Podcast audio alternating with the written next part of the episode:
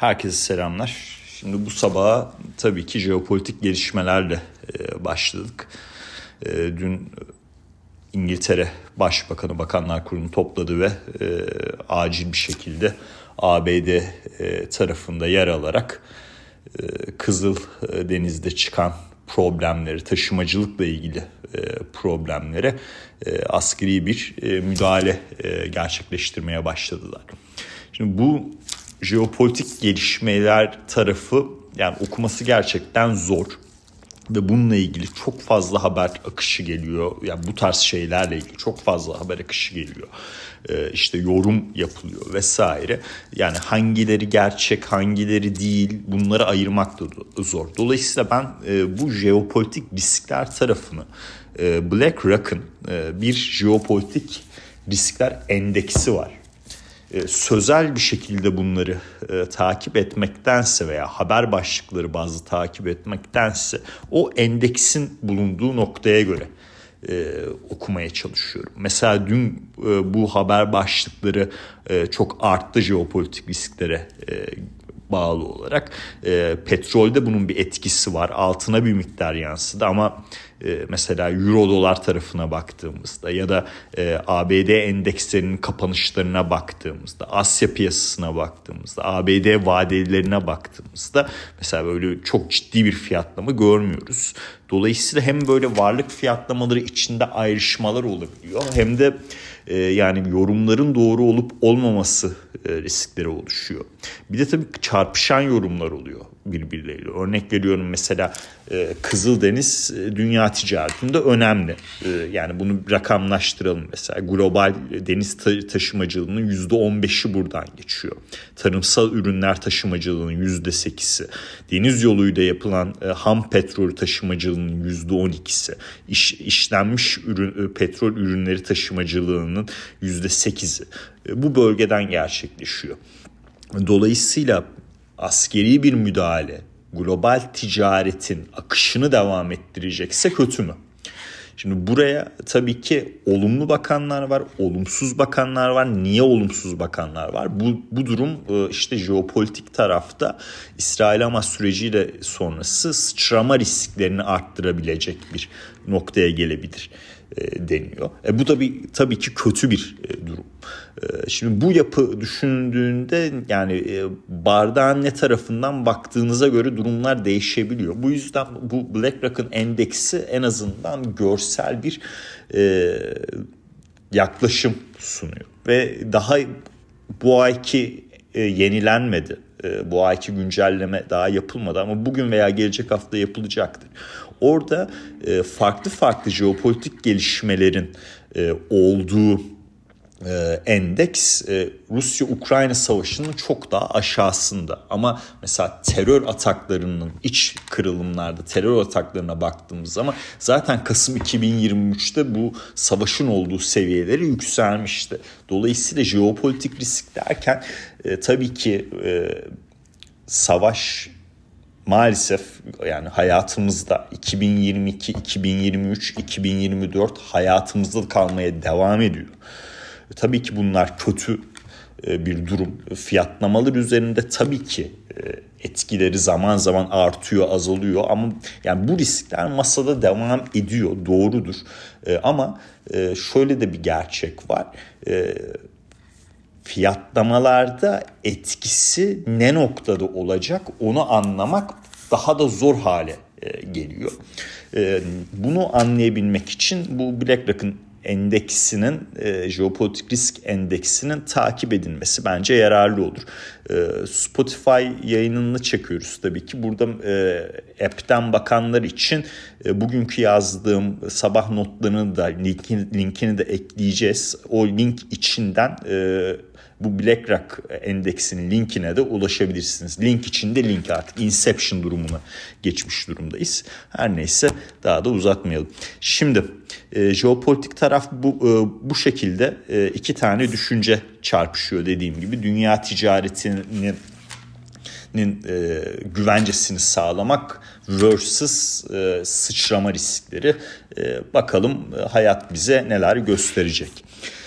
Dün ABD tüfe verisi vardı. Ya bununla ilgili yani hem bir yazılı analiz paylaştım hem de ufak bir podcast çekmeye çalıştım.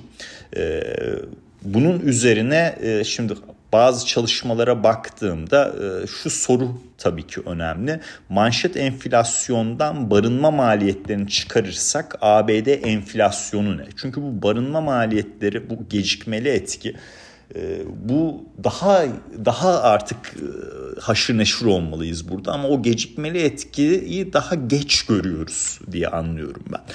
Bu geldiği zaman ama etkisi büyük olacak. Bu etkiyi anlatmak için bu rakamları vereceğim. E, Aralık ayında rakam %1.8 arkadaşlar. E, Kasım ayında 1.4'tü, Ekim ayında 1.5'tu, Eylül'de de %2 idi. E, dolayısıyla barınma tarafının enflasyon yapısı içindeki önemini biraz daha anlamamız açısından önemli bir metrik diye düşünüyorum. E, merak edenler için 2022 Haziran'da manşet enflasyon eksi barınma %10.6 seviyesindeydi arkadaşlar. Yani ciddi bir iyileşme var burada. E, zaten işte dünkü analizde ne demiştim? E, manşet enflasyon iyi değil ama çekirdekte dezenflasyon süreci devam ediyor. Üç tane detay verdim. Bu tarafta işte e, ve buna bağlı olarak e, endekslerde eğer ABD 4 yıllıkları e, özür dilerim ABD 10 yıllıkları %4'ün aşağısına gelirse endekslerde bir buy the dip olabileceğinden belirtmiştim. Bu gün içi gerçekleşti ama rekor bir kapanış olmadı. Bir rekor kapanış bekliyordum. Bu olmadı maalesef. E, şimdi Atlanta Fed ve Cleveland Fed'in yaptığı e, endekslerdeki çalışmalara baktığımda tüfe verisiyle ilgili olarak dezenflasyon süreci devam ediyor ama bir miktar yavaşlama var arkadaşlar. Şimdi piyasa %70'in üzerinde Mart ayında bir indirim bekliyor.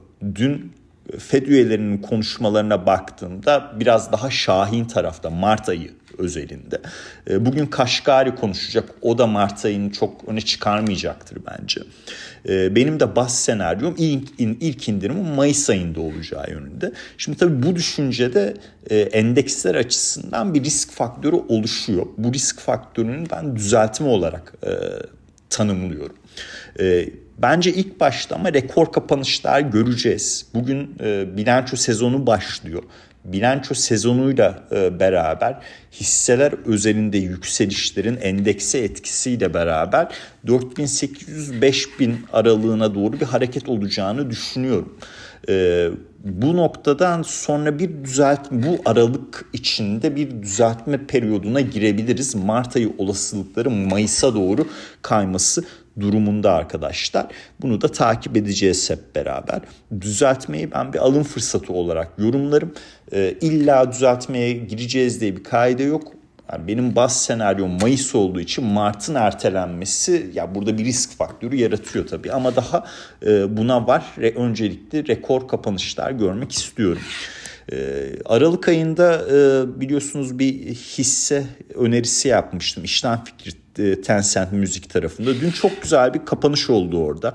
E, yani yüzde dört küsür, yüzde beşe yakın bir prim vardı hatta. E, Macquarie Asya'da bilinen bir aracı kurum yatırım bankası. Burada hedef fiyatını yükseltmiş hisseyle ilgili olarak 9.43'den bir kapanış yaptık. 9.30 Ocak 2023 tepesiydi. Ee, bunun üzerine çıkmış olduk. 10.5-11 aralığına kadar yükselişin devamını e, ben açıkçası bekliyorum. Teknik tarafta bunu destekliyor bence. Spot Bitcoin borsa yatırım fonları dün 4.6 milyar dolarlık işlem hacmi gördü. İyi bir başlangıç. Ee, diyeceksiniz ki 47 bin küsürlerden niye o zaman 46 binin altına düştük? Ee, güzel bir soru olur diye düşünüyorum. Burada belki jeopolitik risklerin bir miktar oraya etkisi olabilir. Ee, bilmiyorum açıkçası ya da e, gerçekten iyi bir rally e, yaşadık. Dolayısıyla bir miktar kar satışı yaşanmış olabilir. E, ama e, temel tarafta bu spot e, borsa yatırım fonlarının e, ilgi almaya devam etmesi önemli e, ve bu durum bizi bence e, 50 bin üstüne de taşıyabilecek bir yapıda e, ama e, çok iyi bir rally yaptık. Belki düşüncem gerçekleşmeden de bir kar satış sürecine girebiliriz. Hep beraber göreceğiz. E, ben Bitcoin'lerimi tutmaya devam ediyorum açıkçası. Bitcoin pozisyonlarımı tutmaya devam ediyorum. Şimdi kaç tane Bitcoin var falan filan diye düşünmeyin. Bitcoin pozisyonlarımı tutmaya devam ediyorum diye bir özetleyeyim. Şimdi onu da e, geçtikten sonra e, Çin'den ekonomik verileri aldık. TÜFE verisine baktığımızda deflasyon riski devam ediyor. 3 ay üst üste yıllık bazda eksi değişimler var. E, Çin hükümetinden ekonomiyi destekleyici adımlar atılması lazım. Büyük merakla bekliyoruz. Üfe tarafına baktığımda Çin dünyaya def, ürünler deflasyonu e, ihraç etmeye devam ediyor. E, Kızıldeniz'deki süreç navlun maliyetlerini arttırıyor. Doğru. Hatta Avrupa tarafına daha net bir artış var geçmiş ortalamalara baktığım zaman e, ABD'ye kıyasla.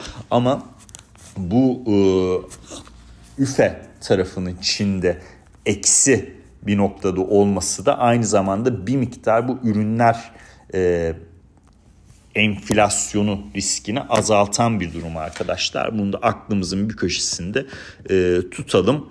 E, Çin'in 2023 yılından itibaren e, yıl 2023 yılında özür diliyorum. Çin'in 2023 yılında yıllık ihracatı e, ilk kez yıllık bazda gerileme göster. İlk kez diyorum 2016'dan beri ilk defa gerileme gösterdi. Önemli, önemli bir e, değişim. Buna işte çift kutuplu dünya mı dersiniz veya e, işte jeopolitik risklerin artmasıyla ticareti olan e, etki mi e, dersiniz veya global ekonomiyle ilgili riskler olarak mı adlandırırsınız? Hepsi sizin e, yorumunuza bağlı olarak yapılabilecek e, şeyler.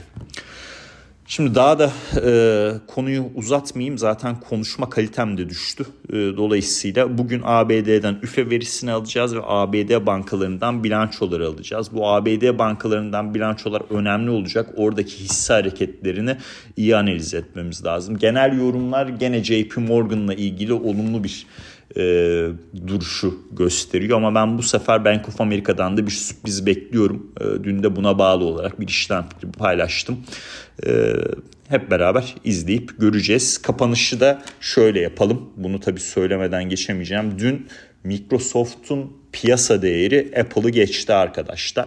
Yapay zekanın e, burada e, bence önemli bir e, etkisi var e, ve e, önümüzdeki dönemlerle ilgili olarak da e, güzel bir sinyal diye düşünüyorum. Yapay zeka yatırımlarının önemini vurgulayan bir durum. Dinlediğiniz için teşekkür ederim. Herkese mutlu günler diliyorum.